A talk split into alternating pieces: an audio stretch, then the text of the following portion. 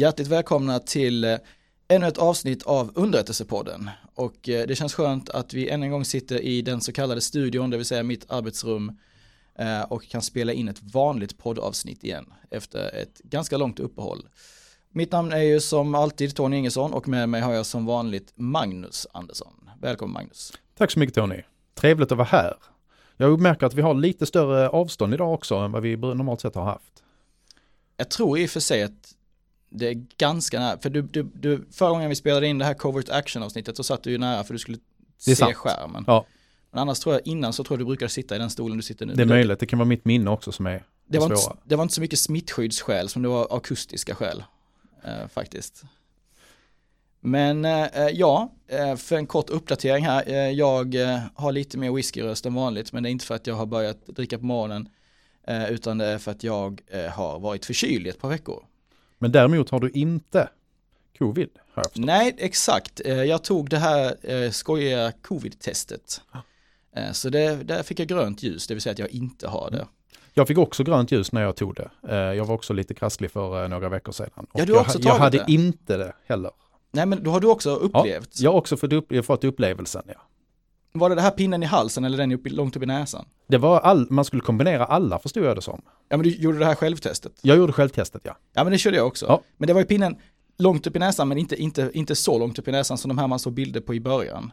De här första testerna, de körde den, eh, ja inte en halv meter men det var inte långt ifrån. Nej jag prövade ju inte att eh, ta, ta det så långt heller. Nej, nej vi följde instruktionerna. Jag följde instruktionerna försökte jag göra. Men det var ganska långt eh, i halsen. Ja, det var det. Det var, det. Det var en, en obehaglig upplevelse. Samtidigt som det var väldigt skönt att få reda på att man inte hade det, kände jag. Jag, jag kände också lite grann, man får ju passa på att ta testet nu, nu när det liksom är, är en grej. Alltså tänk, tänk annars om man sitter där om några år och så har man inte tagit testet. Då känner man sig utanför, tänker jag. Man vill ju, man vill ju ha varit med upplevelsen. En fundamental ja. del av 2020 års upplevelse är ju, är ju covid-testing. Ja, men det är det faktiskt. Det är det. Min fru var så, hon var så engagerad i detta så hon tog två tester. Jaha, oj då. Ja, inte direkt på varandra då, men med veckors mellanrum. Mm. Hon, hon, var inte säker på att hon ville bli sjuk på nytt. Ja, jag håller ju inte för omöjligt att man kanske behöver ta ett test till eh, vid något tillfälle. Nej, nu har man ju rutinen inne så. Ja. Eh, jag var lite inne och försökte diskutera med en annan kollega som också tagit det om man skulle egentligen tycka att man borde få ja, helst ett märke man kan ha på sig. Lite sån här, som en typ, oh. du vet, kommer man när man var liten, de här eh, badges liksom med Ja, jag tänker på simmärkena till exempel, som ja, man kan sätta på sin sköld.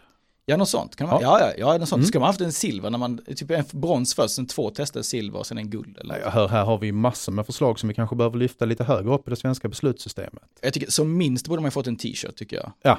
Typ, eh, vi, vi som utforskat vår egen bakre svalgvägg, eller något sånt där. det är inte alla som har med. Nej, det är det verkligen inte. Nej, men, men i alla fall så vi är covidfria bägge två, ja. eh, trots att jag låter kanske lite bedrövlig.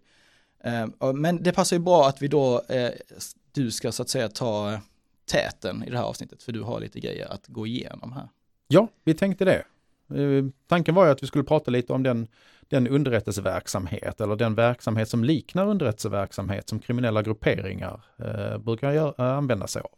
Ja, eh, och det kan ju bli ett spännande komplement här eh, mm. som vi inte riktigt har varit inne på så mycket innan. Vi har sniffat runt lite kanske något tidigare avsnitt har jag ett vagt minne av, men vi har inte riktigt gjort någon djupdykning sådär. Nej.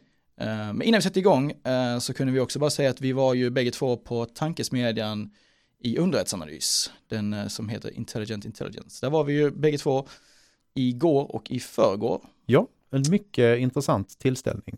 Ja, eh, och vi höll ju avstånd naturligtvis. Såklart. Eh, ja, väldigt utspridda i den här. Ja, vi var ju i en lokal, vi var ju under 50 personer och eh, lokalen hade ju plats för 160 personer tror jag den var utformad för. Var det inte något sådant? Ja, jo, precis, precis. Så det var, det var goda eh, marginaler där så ingen mm. får någon för sig något annat. Eh, men det är spännande, eh, vår tankesmedja där ett antal rättsvårdande och militära myndigheter och en del andra myndigheter också för den delen är representerade. Ja.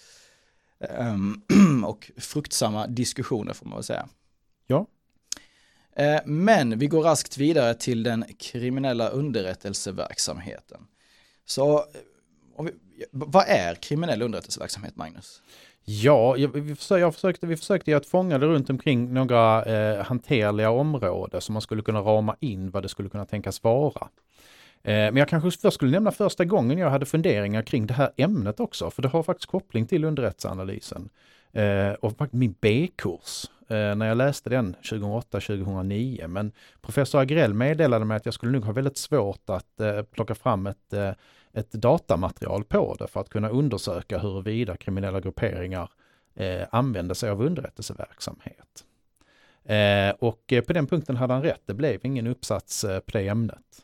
Men så här då, en drygt en 12 år senare, så har det dykt upp ganska mycket, eller inte ganska mycket, det har dykt upp lite mer eh, information och lite mer forskning runt omkring den typen av aktivitet som man skulle kunna benämna som en kriminell underrättelseverksamhet.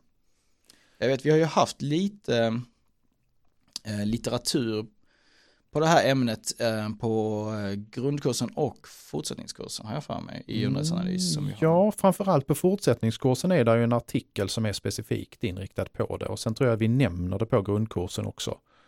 Eh, just det, för vi har, vi har ju en bok som handlar mer om terrorism och terroristers underrättelseverksamhet ja. och säkerhetstjänst och sen har vi ju som, som en del av den modulen så har vi haft en, en artikel då, som, som är lite mindre del som handlar om eh, Kali-kartellen. Just det, och de kommer vi in på, tänkte jag vi skulle komma in på också, för där finns lite konkreta exempel på hur det kan se ut också.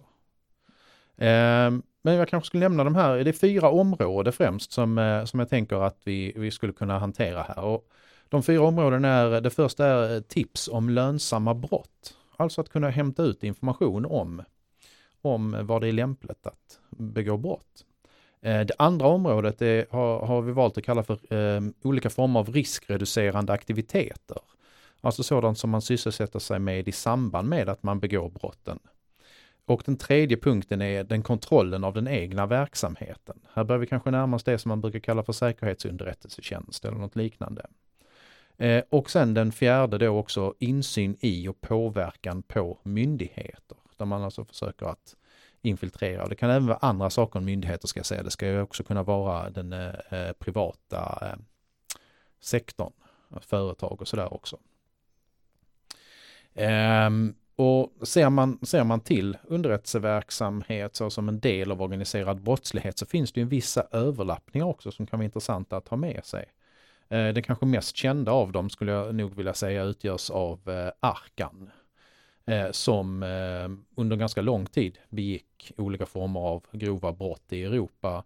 Jag tror han gjorde bland annat rån i Tyskland och jag tror det var något rån i Sverige också. Eh, men det intressanta med just Arkan är ju att han, han sägs ju ha arbetat för den eh, jugoslaviska eh, säkerhets och underrättelsetjänsten. Eh, och att dessutom att hans fosterfar ska ha varit den operativa chefen för deras hemliga operationer. Eh, och det är sådant som har, som har kommit fram nu under de här, under många år sedan då detta inträffade. Vi kanske bara ska, jag vet, vissa har nog koll på vem Arkan eh, är i det här sammanhanget. Ja. Men du kanske bara... Kanske ska nämna det kort då, Arkan, vad det Rashnat Rasnatovic eller något liknande han hette i efternamn. Jag minns inte hans efternamn rakt av nu, men under kriget i Jugoslavien så är han ju en av de, de stora milisledarna. Där man oftast minns honom från är nog bilden när han står med en eh, basker och håller upp en liten tiger. Han ledde ju ett förband som kallades Arkans tigrar. Eh, och innan han då hamnade i den rollen då så hade han eh, dragit omkring i Europa och eh, begått en massa grova brott. Eh, och sådär. Han gifte sig också sedermera med en, eh, en sångerska vars namn just nu jag tar, mm, har glömt bort men som också är ganska, som också är ganska känd. Eh, han är väl en av de personer under inbördeskriget i, eh, i forna Jugoslavien som, som, som de flesta känner till. Om man, om man känner till någonting runt omkring det så brukar Arkan vara en av de som man känner igen.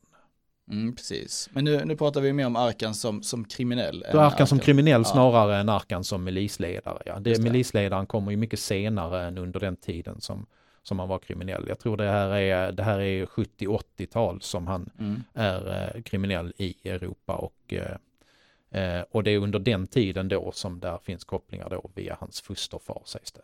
Mm. Till då den jugoslaviska underrättelsetjänsten han ska ha arbetat för dem. Och det är inte, det är inte en helt ovanlig eh, omständighet heller att, att sådana personer som har eh, kopplingar till underrättelse och säkerhetstjänst att de engagerar sig i organiserad brottslighet efter det att länderna som de har arbetat i, där regimen har fallit till exempel, att man går in i den organiserade brottsligheten. Precis, men då har vi lite koll på, på arken då. Mm. Om vi återgår till de här punkterna du nämnde, så det första yep. var tips om lönsamma brott. Ja. Och här, här, här, jag har ju tittat lite grann, eh, jag har ett projekt och ett litet projekt för, för min egen del, där jag tittar på alla Fast and the Furious-filmerna. Mm. Eh, och det är ju sju stycken, eh, om jag, jag kanske till och med, jag, jag vet inte riktigt om jag håller koll, men sju, sju känner jag till i alla fall. Eh, så jag började titta på dem eh, och där, där finns det ju lite sådana här lönsamma brott. Eh, så jag såg till exempel där en de rånade lastbilar gjorde de. Ja. Eh, fast, eh, och det här vet jag att vi har diskuterat tidigare, just mm. det här med rån mot alltså att det, då behöver man ju veta vad som är i lastbilens last för att det ska vara en meningsfull verksamhet. Men det jag minns då från den första filmen här var att de körde i kapp lastbilen med tre identiska svarta bilar som dessutom hade sån här belysning under till. Mm. Så att det lyser från underredet då i neonfärg. Eh, och sen så körde den första bilen, liksom körde om lastbilen och sen hade de någon slags, eh, ja vad ska man säga, någon slags vapen som skjuter iväg en krok som man kunde dra ut eh, framrutan med. Och sen hoppade en gubbe in igenom framrutan då. Det galna med det där, det är ju att du är inte helt så långt från eh, faktiska händelser. Eh, och det du triggade här i mitt huvud, så ett litet minne av, och det, det, kan ni som lyssnar också, ni får nu googla fram det faktiska exemplet, för jag har lite svaga, lite svaga detaljminnen kring det. Men jag har nämligen för mig att posten hade en drive där de talade om säkerheten i sina transporter och där deras säkerhetsavdelning hade avslöjat stölder ifrån lastbilar under tiden som lastbilarna körde. För det de trodde var att han, som, som vanligt att man hade en insider som lämnade ut information om när det skulle vara lönsamt att göra eh, brottet. Men istället visade det sig då att, när de, att de kunde inte hitta en chaufför. Och då placerade de tror jag, kameror på insidan av lastbilen. Och då var det någon som klättrade in i lastbilen eller var gömd i lastbilen. Som eh, gjorde brottet under tiden som bilen färdades och sen var det en annan bil som körde upp om det var bakom eller sidan om.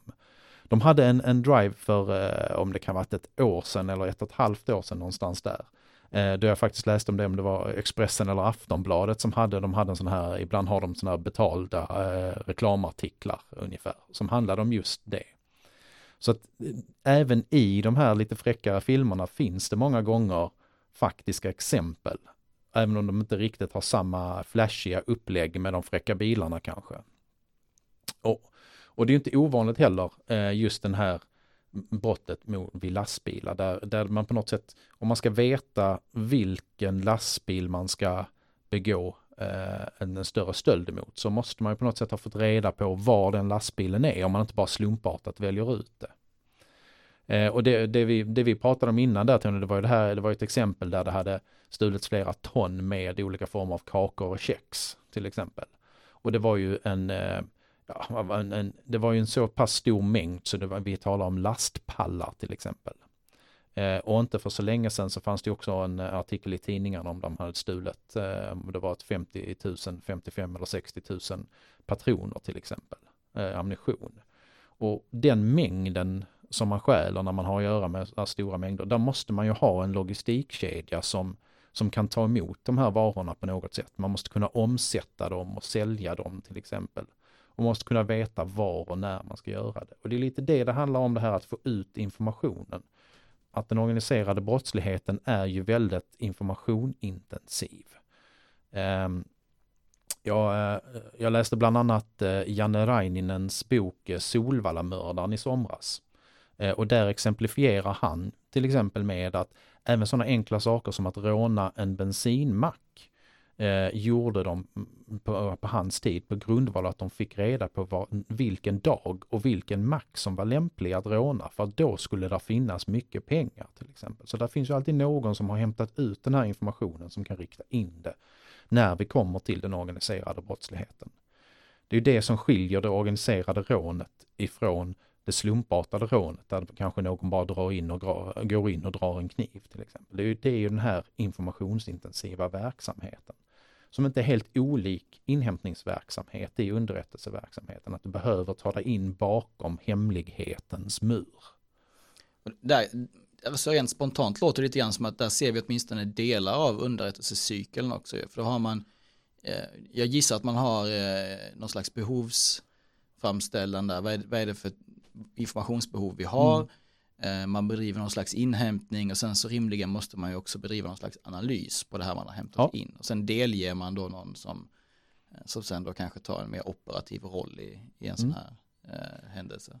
Jag, jag, tycker det också, jag tycker det är väldigt klara, eh, väldigt klara liksom exempel på underrättelsecykeln omsätts. Men det jag också tänker på är Holdnick, är det Arthur C han heter, som har skrivit en artikel om olika eh, andra cykler i eh, un underrättelseverksamhet. Där han talar om, jag tror det är kontraspionagecykeln.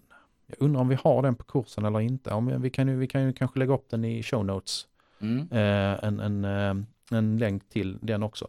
Där, eh, där han har varianter på hur underrättelsecykeln kan se ut. Om, om, och i hans fall då så är det hur man behöver ta sig in i, han har kontraspionagecykel och han har också vad jag tror han kallar för covert ops-cykel, som är sådana här cykler som interagerar med underrättelsecykeln. Eh, och jag, jag, jag håller helt med om att man har ett steg i det brottsprojektet som har en underrättelsecykelsteg. Och sen har man ett som liknar kanske den här operationsstegscykeln också där de, där de överlappar med varandra. Hur, hur ser den här operationsstegscykeln ut? Eh, ja, det har jag för dåligt minne för att minnas rakt av ska jag faktiskt erkänna. Men jag för mig den har någon, någon form av, jag för mig det är som en klassisk förberedelsefas, där är en genomförandefas. Men jag för mig han har, om det är fyra faser, något sånt i den. Jag Planeringsfas. Planering, precis, planering, förberedelse, genomförande. Eh, det finns ju också om det är, kan det vara Stratfor? Visst är det ett sånt här företag som har med eh, lite med säkerhetsunderrättelsefrågor? Jajamän. Ja. Jag har för mig att det är en, eh, en, en, artikel de har som talar om Terrorist Attack Cycle och som, som också han, sen har de gjort en som handlar om eh, criminal, criminal cycle eller något liknande, en cykel över det. Den har fem steg och där talar de om eh, planering, förberedelse, eh, eller säg, planering, förberedelse, eller är det sex steg? Planering, förberedelse, eh, deployment, vad, heter, vad kallas det på svenska? Fram, framkörning eller gruppering eller något gruppering liknande. Gruppering, precis mm. strax innan. Genomförandet, flykten och sen det sjätte steget, ja, är omsättning. Eh, och där, där kan man ju se på brottsprojekt att de har de här, men för att kunna genomföra den cykeln behöver man ju ha haft en underrättelsecykel innan. Så att man vet när man ska vara det. Så underrättelsecykeln i det fallet är kanske en del av deras planering och förberedelsesteg i genomförandet. Jag har, jag har också intrycket här att man kan liksom göra det här på mer eller mindre sofistikerade sätt. Så jag tänker att här, för du ska råna en butik eller något sånt där så kanske du inte behöver göra så mycket mer invecklade grejer än att bara spana på den.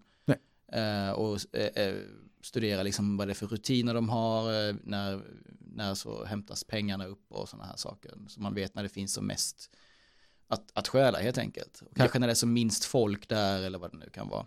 Ja, visst är det så. Men sen det beror också på hur, hur komplicerat, hur stort brottet är. Där finns ju det här större, är det ett värdetransportrån i Danmark till exempel, där man använder sig av eh, sopbilar för att blockera vägarna till exempel. Där har vi ett mycket större brott med många fler som är involverade Eh, och där kanske man också behöver ha infiltrerat då en, en situation för att få reda på när kommer den här värdetransporten. Vi har ju det svenska eh, så kallade helikopterrånet uppe i Stockholm till exempel som där man också måste, på något sätt måste man ju faktiskt ha en god uppfattning om när är en lämplig tidpunkt att landa en helikopter på taket på eh, G4S lokaler. hur skaffar man sig den? Det kan ju vara spaning men det kan ju säkerligen också vara så att man har kontakter på insidan. Jag tycker det här med infiltration är lite spännande. Där. Mm. Men, eh, det har ju, mm. eh, Brå har ju, jag tror det är 2016 har de en rapport, 2016-10 är deras rapportnummer på den, som handlar just om att eh, kriminella organisationer som infiltrerar eh, företag. Och de pekar på att det är fem stycken eh, anledningar till detta. som då i olika grad har att göra med vad man skulle kunna säga kriminell underrättelseverksamhet. Men det de pekar på är ju för att förvärva ett bolag för att helt enkelt plundra det på dess innehåll. Eh, eller att man bildar ett bolag för att man ska använda det som ett verktyg. Motsvarigheten inom underrättelsevärlden skulle kanske vara en frontorganisation eller något liknande. Eh, sen kan det också vara så att man infiltrerar för att utsätta dem för utpressning. Att ta reda på saker eh, eller att man helt enkelt infiltrerar dem på ett sådant sätt att man börjar eh, dra in dem i affärer som är kanske lite ljusskygga. Så att det, det, det vita företaget helt plötsligt hamnar i en utpressningssituation ifrån en kriminell gruppering. Eller att man eh, kapar det genom att byta ut ledamöter helt enkelt och ta över det på det sättet. Antingen genom hot eller genom manipulation kan man byta ut dem. Och sedan då det, det femte sättet också är att man eh, antingen ser till att få en person rekryterad till företaget eller att man rekryterar någon på företaget för att de ska lämna ut hemligheter om företagets verksamhet som man sen kan omsätta och använda sig av i att, eh, att genomföra ett, ett mer avancerat brott. Men, men, som vi förstår på de här omständigheterna så har vi kanske inte att göra med den stora massan av kriminalitet i Sverige, utan det vi talar om är ju en ganska en smal del av kriminaliteten som har en väldigt hög grad av organisering. Som skulle sysselsätta sig med de här sakerna. Mm. Men jag tänker att då, är vi, då har vi så att säga betat av lite grann det här med eh, alltså informationsinhämtningen så att ja. säga, sätten att hämta in information som man sen kan använda då för, för, att, för ett sånt här brottsprojekt yep. som, som, du säger. Precis. Um, men jag tycker vi kanske ska, innan vi går vidare med nästa punkt så kanske vi tar en kort paus. Eller det kan vi göra.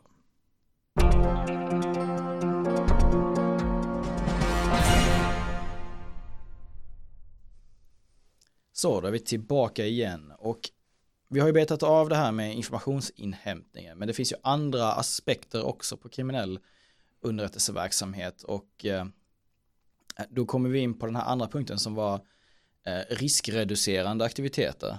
Ja, och det är ju egentligen det som händer. Vi, vi talar om Stratform, den här brottscykeln då som Stratfor eh, talar om.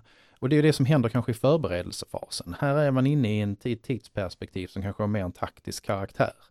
Eh, och eh, där det handlar om att ta reda på saker runt omkring den som är målet för brottet. Det kan ju vara att eh, ta reda på rutinaktiviteten för den som ska mördas till exempel. Att finna lämpliga flyktvägar efter ett brott. Eller att hitta återsamlingsplatser och var ska man byta fordon under flyktvägen. Det kan ju vara sådana saker som, som ska göra det mindre riskfyllt för de som genomför det. Det kan också vara att skapa lönnutrymmen i en, eh, inför en smuggling i ett fordon till exempel. Skulle det kunna vara som är de här åtgärderna för att reducera risken i brottet. Ehm, och återigen då, eh, sommarens läsning av, eh, av den här Solvalla-mördareboken ger, ger bra exempel på hur det kan gå till. Eh, framförallt i eh, förhållande till eh, ett mord. Ett planerat mord, ett planerat och genomfört mord. Där då ehm, eh, personen då som har eh, skrivit boken Janne Raininen har skrivit en självbiografi om Solvallamordet i vilken det, det, ganska, det tydligt framgår hur en sån här sak kan gå till. Där de är en, de är en mindre grupp av personer eh, där ledaren för gruppen i sin tur har blivit ombedd av en, av en ytterligare en person som då finns i den dåvarande jugoslaviska maffian och det pågår en konflikt inom den, inom den eh, jugoslaviska maffian vid detta tillfället. Där där, de, där den här gruppen av individer då, där mördaren ingår, kommer att eh, användas som en liten operationsgrupp. Eh, och han berättar i sin självbiografi om hur de spanar mot den som ska bli mordoffret, hur de ligger utanför bostaden, jag tror de sitter utanför personens jobb, de följer bilarna, de tar reda på hans rutinaktivitet. Samtidigt som de gör detta då en handfull, de är en handfull personer, fyra, fem stycken, så har de har lite olika roller då också. Det är redan utpekat vem som ska skjuta. Det är någon som till och med är hittagen för just att bidra med spaningen. Eh, och de, eh, de använder sig av eh, teknisk utrustning i, i det här eh, som ja, mobiltelefoner för att hålla kommunikationen, eh, kikare såklart för att se, skyddsvästar framförallt så har de också eh, säkra, safe houses, säkra platser att bege sig till. Ett antal lägenheter som under tiden som den här operationen då pågår så ska de kunna ha de här och dra sig tillbaks till och bo i de här under tiden som de gör det. Det är, det är en eh, fascinerande grad av organisering i detta fallet. Eh, vad var Raininens roll i det, i det här? Han är, det är han som är mördaren. Mm. Det slutar med att eh, när de ligger, och, ligger på lur och väntar på att få då skjuta eh, offret i, i det här fallet. Eh, så till slut så, de, de, får inte, de har inte tillräckligt uthållighet. Så de ligger utanför bostaden men han kommer inte hem när de är där och han kommer inte ut. Eh, utan det slutar med att till slut så eh, väljer de en plats där de vet att han kommer att vara och han är då på Solvalla och spelar på hästar med, med, med en ganska hög grad av regelbundenhet. Eh, och då, eh, han mördaren då, eh, Raininen, han kommer, eh, han väljer, jag tror han skriver i sin bok att till slut så, så orkade de inte vänta eller något liknande.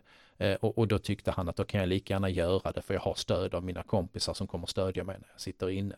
Så han går in på Solvalla och, eh, och, och skjuter då eh, offret där. Och det här offret har då med sig en av sina egna livvakter som, som överfaller han lite innan eh, vakterna kommer och eh, tar honom.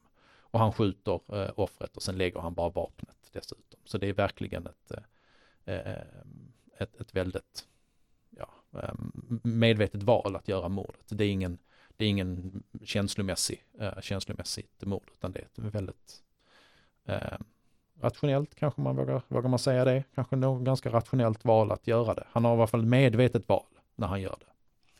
Men, men det är äh, intressant det här du säger med, med begränsad uthållighet. Kan man tänka mm. sig att här, det blir ju en, i någon mån en resursfråga tänker jag, att man har Alltså, det, det, går ju med ganska små medel att sätta upp en, en liten organisation med spaning och så vidare, ja. logistik och sådär.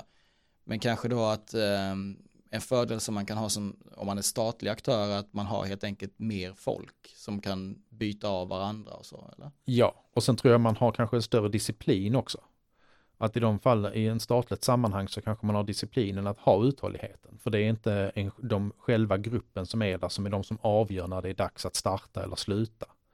Utan det finns någon annan som har ett, en striktare kontroll över det. Medan det är en mycket högre grad av eh, decentralisering kanske. I, eh, skulle man kunna använda som, som begrepp i sammanhanget när vi kommer in i de kriminella sammanhangen.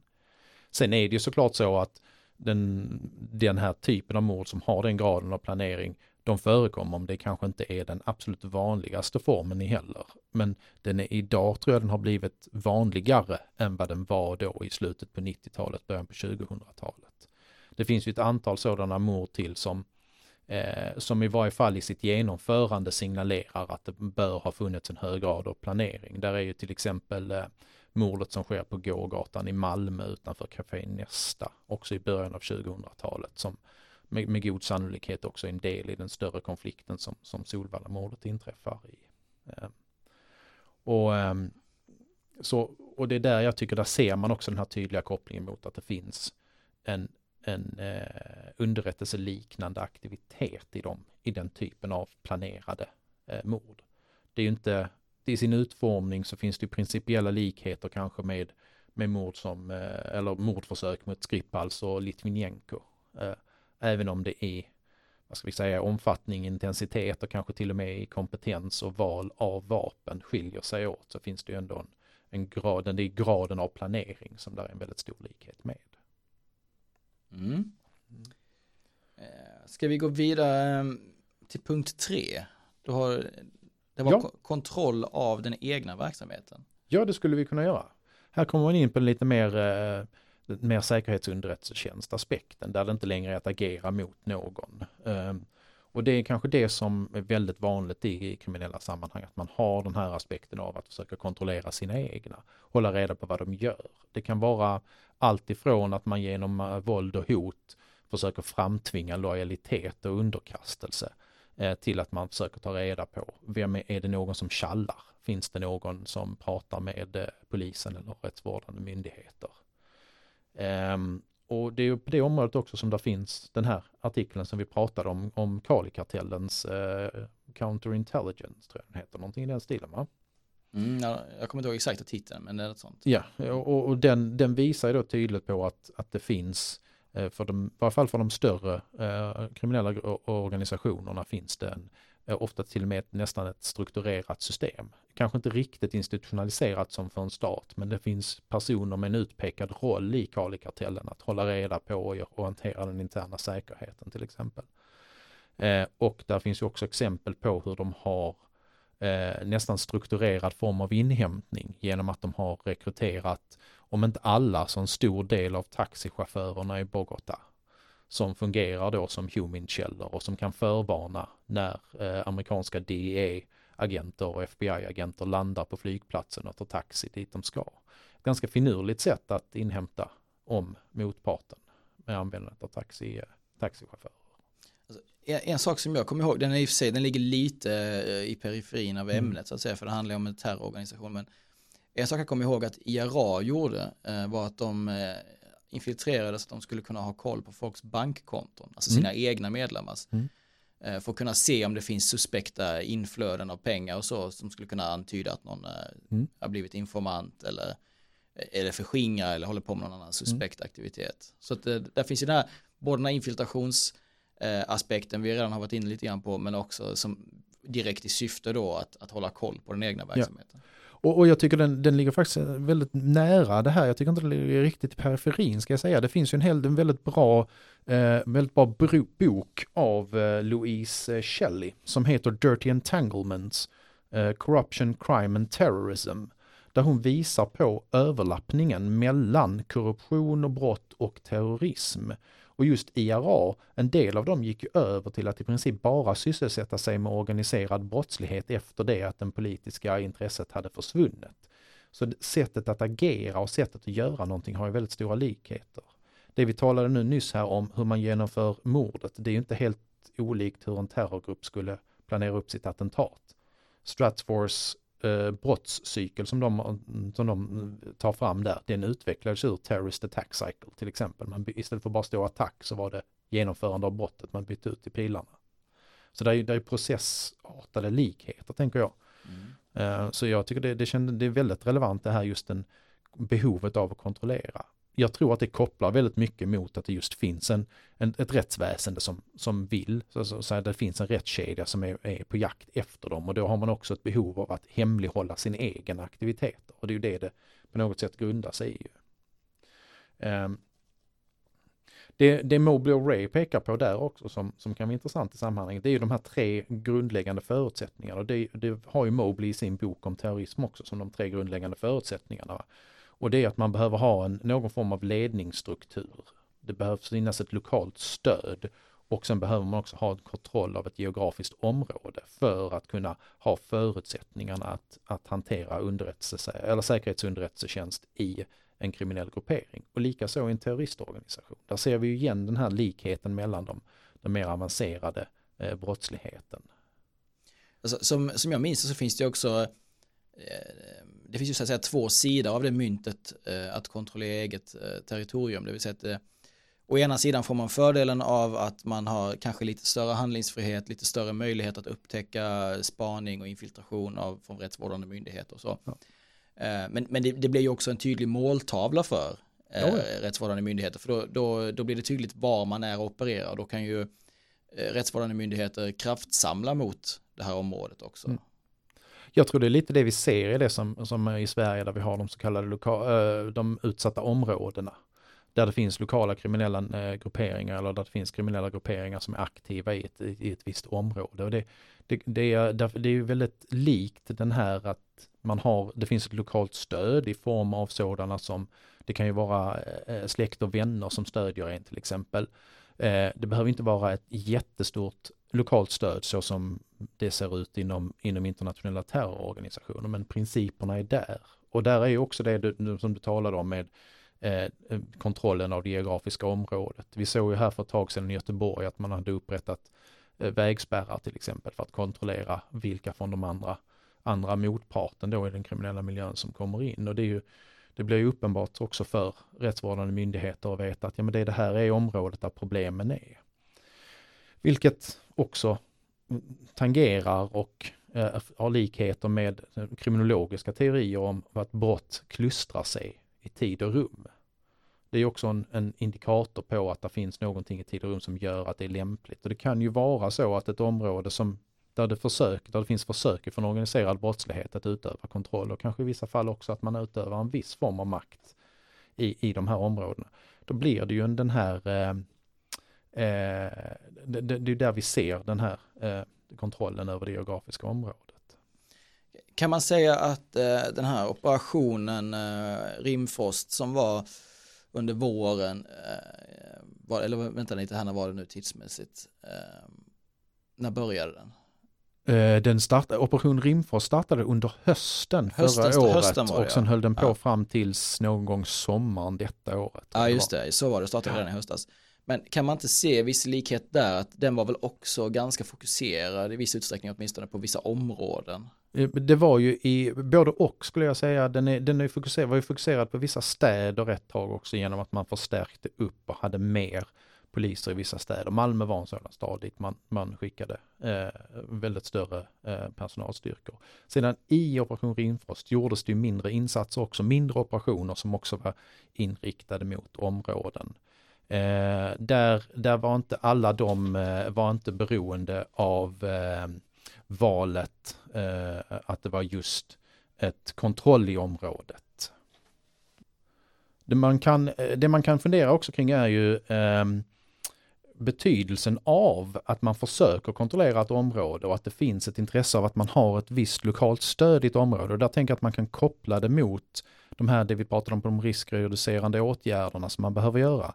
Det är ju oftast lämpligt att man har ett, ett safehouse eller en säkert ställe att vara på i ett sådant område där man också har möjlighet att ha viss mm, kontroll på vem som kommer in i området. Eh, och det ser vi ju i Sverige ser vi faktiskt exempel på hur Eh, personer man brukar, som man brukar kalla, ibland kalla för spejare då håller sig i utkanten av ett, ett bostadsområde. Eh, och när polisen kommer i, in i området så meddelar man sina, sina, eh, sina vänner och sina kumpaner i, i det området.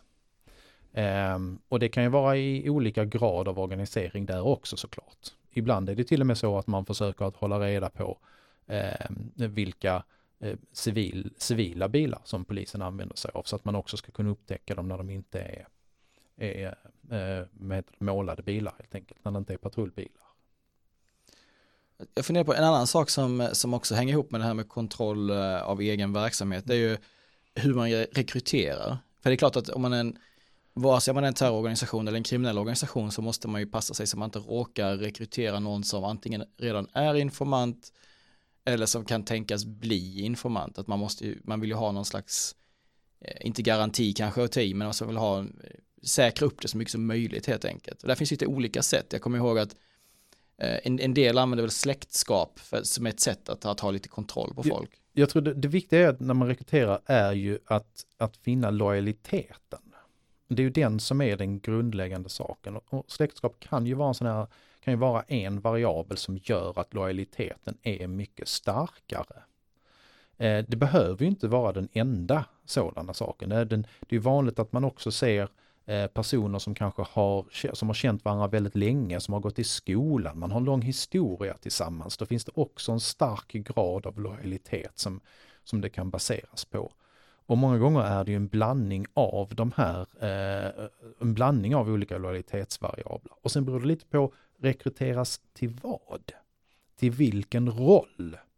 För ska man rekrytera någon till en, den nyttiga idioten, eller eh, om man nu ska använda det uttrycket i de här sammanhangen också, men det finns ju sådana som man är beredda att bränna. De som man vill skicka fram och som ska ta riskerna, den som ska smuggla knarket till exempel, eller då den som ska hålla i vapnet när det planerade mordet genomförs. Eh, en del av dem rekryteras genom, genom hot och våld. Man, man tar dem till ett avsides ställe och sen så på olika sätt förnedrar man dem, ibland sexuellt och ibland med grovt våld, eh, för att utöva sin makt över dem. Och sedan då eh, få dem och tvinga dem till att, att göra sådana, de mer riskfyllda handlingarna. Så, så det beror lite på rekryteringen. Det är inte så att man rekryteras man rekryteras ju inte som man rekryteras till en organisation i den, eh, i, i den övre världen, i den, i den, den lagföljande världen. Där sker ju inte, det är ju inte rekrytering på det sättet. Jag, jag, tänker att det här med, om vi återgår till, alltså det här med att ha någon slags personlig koppling, till exempel om man rör sig i samma kretsar eller om man mm. är släkt med varandra.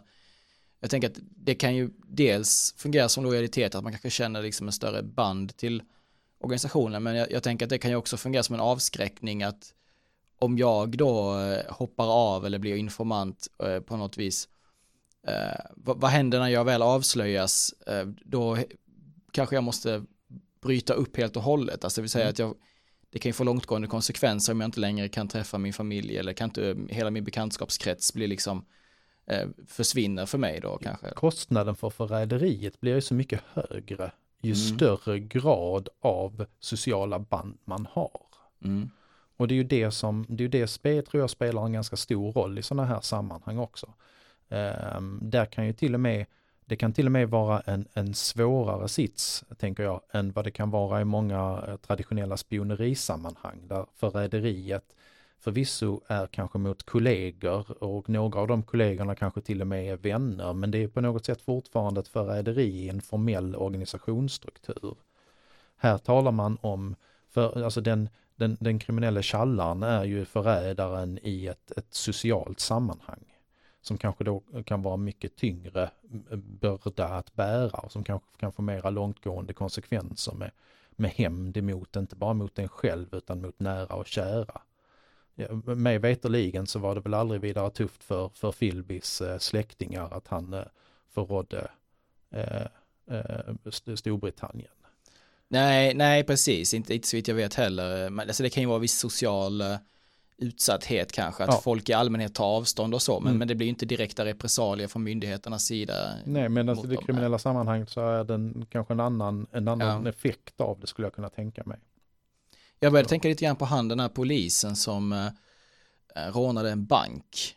Uh, det var ju rätt så många år sedan det här, uh, kan det vara till början 2000-talet, något sånt där. Det var ju en polis, han hade ekonomiska bekymmer och sen fick han något, jag vet inte, det, hjärnsläpp av något slag. Så gick han bara in och rånade en bank. och ja, sen blev han ju då avslöjad. Men för, för hans del så var det ju, det förstår man att det jobbiga var ju då att kollegorna kände sig förrådda och ja. han, han, kunde ju inte, han var ju tvungen att bryta upp och flytta och så vidare. Mm. Men han kunde ju ändå ha med sig familj och han, han tappade väl sin bekantskapskrets då men men han, han, han tappar inte allt så att säga. Nej, och det är ju inte så att samhället då går ut och eh, att eh, och, och bestraffar eller riktar hot och våld mot de som finns runt omkring honom. Nej, precis. Det, den avskräckningen finns ju inte där. Nej, så det, den, den, den aspekten, den avskräckande aspekten, som det är bara ord avskräckningen finns inte där. Men, men det kan ju finnas i en totalitär stat däremot, det kan eller, det eller en auktoritär ja. stat för den delen också. Ja, ja, men det är ju där det finns så stora likheter. Jag tänker ibland mm. så finns det enorma likheter mot vad man ser i, eh, i länder som Ryssland till exempel. Eh, med, med, med maffiastyre. Eh, jag tror till och med att eh, Rose Ackerman i sin bok om eh, korruption har väl en av hennes modeller för eh, statlig korruption är väl just maffiastyre eller något maffia dominated, eh, maffia-dominerad eh, eh, dominerat styre har jag för mig. och där i, i, den, i den modellen är ju väldigt, väldigt lik också. även om den såklart är en mycket större omfattning än när det är den statliga nivån, när vi talar om mindre icke-statliga aktörer såklart. Mm. Eh, ska vi gå vidare och titta på, hur, på den fjärde och sista punkten här. Hur kan det fungera ja. när man försöker påverka eller få insyn i myndigheter? Ja, för där är ju faktiskt en, där har vi en del av den här eh, säkerhetsunderrättelseverksamheten. För det man är intresserad av är ju såklart att veta vad händer, vad gör andra sidan mot oss? Vem är, det, vem är det som rättsväsendet tittar på till exempel? Vad händer i rättsprocessen under tiden som någon sitter eh, gripen. Det är inte helt ovanligt att man försöker ta sig in för att få kunskap om vad rättsväsendet gör. Sen är det ju så i Sverige, är det ju inte, det är ju inte i den samma grad som man kanske ser i många andra länder, eh, ska man ju då säga. Men det är inte helt ovanligt det heller. Eh, 2014 så hade ju faktiskt Brå en rapport också kring det som var om korruption i svenska myndigheter. Ehm, och ehm, det de pekade på då är ju till exempel att man förutom att försöka få ut information så vill man ju också försöka att påverka olika beslutsprocesser som tillståndsgivning och utbildning, eh, utbetalning av bidrag. Um, många gånger det som eftersöks är ju att genom att ha någon som påverkar eller man får in en insider så letar man efter att kunna skapa konkurrensfördelar, inte helt ovanligt är det heller med att det är någon form av vänskapskorruption också i de här fallen. Och där pekar faktiskt Brå på att just vänskapskorruptionen är det vanligaste eh, fenomenet i samband med det här. Och där kan vi då se en, eh, det de säger vanliga typer av insiders är barndomsvänner, eh, familj, släkt eller personer som har träffats i tjänsten. Um, och det är ju det är intressant när vi talar om lojaliteten, att det finns någon annan lojalitet som på något sätt spänner ovanför den, den, den, den tjänstemannaetiken kanske då. Um, och ibland så handlar det om att det helt enkelt är peng, pengar som är den motiverande faktorn, att man tar emot mutan eller får betalt för att lämna ut information eller liknande. Jag kommer att tänka på bara ett exempel där som är återigen från IRA, att mm. det kan ju också vara så att man spanar på myndigheter och deras arbetssätt utan att de har någon, utan att myndigheterna själva har någon eh, del i det hela eller ens kanske är medvetna om det. För ett sånt här exempel jag minns är att man kunde fråga folk som gripits och förhörts. Eh, hur, hur, gick förhöret till? Vad hade de för metoder? Och sen när man sammanställt tillräckligt mycket information så ser man ju då som, som kriminell aktör eh, ett mönster där till exempel att så här går ett förhör till. Den här typen av metoder använder de och sen så i förebyggande syfte så, in, så liksom utbildar man så att säga sin egna, sina egna medlemmar i det här. Så när de kommer till nästa förhör så, eh, ett sånt här exempel från IRA är ju att när de blev hämtade till förhör så sa de att nu vet jag att du kommer göra si och så och så här och så va. Så de, de avslöjade att de visste eh, hur förhöret går till och det gjorde de ju bara för att liksom få förhörsledaren ur balans lite grann och försöka få liksom ett maktövertag i, i situationen. Mm. Det, och där, och där, där finns det ju en, eh, om det är jag minns inte vad hans namn är nu, men det finns en forskare från typ 20 eller 30-talet som har jämfört olika sociala sammanhang med eh, ett, ett spel eller en, eller en teaterföreställning. Där man lär sig skriptet för hur det ska göras och hur rättsprocessen eh, följer vissa, vissa skript. Och jag tänker det är det mönstret är, de här skripten som följs i det. Och jag tycker vi ser det väldigt tydligt att man i Sverige har ett, ett, eh, där finns en väldigt tydligt skript i hur rättsprocessen ska följas. Så när man har upptäckt det skriptet så vet man också att om jag inte säger någonting eh, under hela vägen som det pågår en förundersökning så kommer jag också kunna få förundersökningen, titta i den och sen anpassa min historia i samband med rättegången.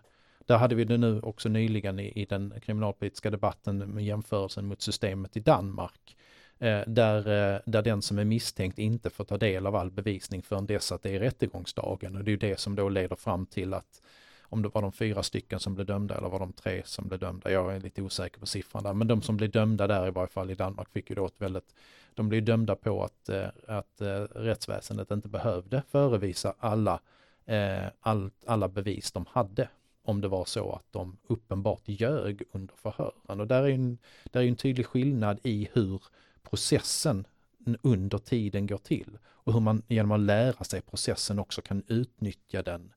Och genom att plocka ut information om vad som finns i processen så kan man också anpassa sig till det under tiden. Um, och det är också en sån sak som eh, Brå pekar på i sin rapport är just att man försöker få ut sådana här för, för uppgifter som är sekretessbelagda i förundersökningssekretessen under tiden som det pågår det då för att dels kontrollera vad säger den som sitter gripen.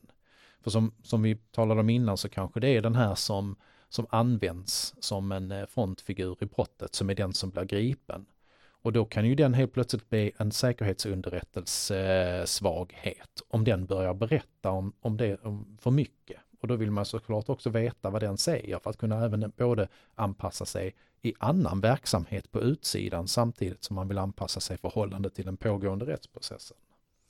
Och det är lite spännande för det, det finns ju eh, eh, ett befintligt eh, regelverk där för att undvika det här som man då kringgår. Som, både du och jag har ju jobbat på häkte så vi vet mm. ju att man kan ju belägga folk med restriktioner och det är inte ja. så ovanligt att man gör. De kan vara ganska omfattande restriktioner som gör att den som sitter häktad inte ska kunna i princip alls kommunicera med omvärlden utom med sin, sin advokat. Mm. Um, men det här är ju då ett, ett ganska slugt sätt att kringgå, om man inte kan ha direktkontakt med den som sitter i häkte så kan man åtminstone se vad den har sagt. Till exempel, det skulle kunna vara en sådan, en sådan del. Eller så kanske man helt enkelt eh, infiltrerar eller rekryterar någon statligt anställd som kan ha direktkontakt med den. eller andra. Var det inte så att det var någon försvarsadvokat som hade varit uppe i försvarsadvokatsnämnden Jo, det var för ganska just nyligen, kontakter Ja. med, eh, eh, med otillbörlig kontakt eller att ha förmedlat meddelanden och liknande. Här finns ju också paralleller bakåt till, till terrororganisationer. Så till exempel, eh, jag vet att Bader-Meinhof-ligan, när de, den, den första generationen så att säga, när de satt fängslade, Mm. så om jag inte minns fel så smugglade advokaterna eh, saker in och ut Ja. eh, till och från dem eh, på samma sätt då. Ja, det, det kan jag tänka mig också. Det är, och den, jag tänker den enkla, den enkla liksom förklaring till varför det blir så är att i alla, i alla verksamheter som är informationsintensiva så, så, och där det finns att man försöker hemlighålla någonting så blir ju personerna som utgör kontakterna, de blir ju de här, det är ju, de är ju de, bara de som det är möjligt att använda sig av. Sen ska man också veta i de här sammanhangen att även om vi nu talar om eh, personer som eh, insiders till exempel eller eh, eh försvarsadvokater som kanske inte riktigt lever upp till sin ed, om de nu tar en ed förvisso, eller i alla fall de, de eh, etiska förutsättningar som förväntas av dem, eh, så kan det ju finnas olika förklaringar till varför. För det kan ju faktiskt vara så att, att personer som gör de här sakerna i sin tur är utsatta för just hot och våld, att det är av, av rädsla. Sen kan det ju kanske vara de som tycker att, att det är okej eller som tar emot mutor och pengar för att göra det också. Det, så där är nog en ganska stor spektra av, av motiv till det. Men, men själva effekterna eller eh, aktiviteterna är ju densamma. Att den hemliga informationen ska ut. Och det är där har vi också likheten med inhämtning tänker jag.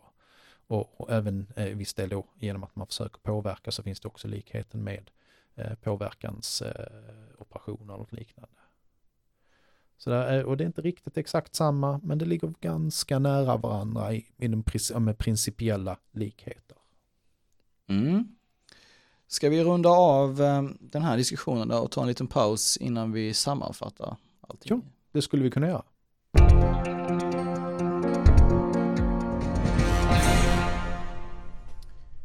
Ja, Magnus. Hur kan vi då sammanfatta allt det här vi har gått igenom nu hittills? Ja, underrättelseliknande verksamhet inom kriminella grupperingar är i ett stort behov av eh, hemligheter och rör sig i varje fall innan genomförandet av brottet och ibland under även genomförandet av brottet i en informationsintensiv miljö. Och där eh, våld och hot om våld utgör en form av eh, förstärkande eller stödjande funktion för att uppnå en, eh, målet med en organiserad brottslig verksamhet. Och det är kanske på just de punkterna som vi hittar likheter med det som vi traditionellt sett annars också kallar för underrättelseverksamhet i, som utövas av statliga aktörer eller som finns i affärs, eh, inom affärs eh, eller offentlig sektor, eller privat sektor, affärsliv och sådär. Um, och att det i, finns principiella likheter tänker jag är en ganska, av, lite ganska sammanfattande del. Ja, och det är också intressant att se att, att det här även då gäller att det finns ganska stora likheter med terrororganisationer. Ja. I, hur de arbetar med, med informationsinhämtning, analys, bearbetning, delgivning.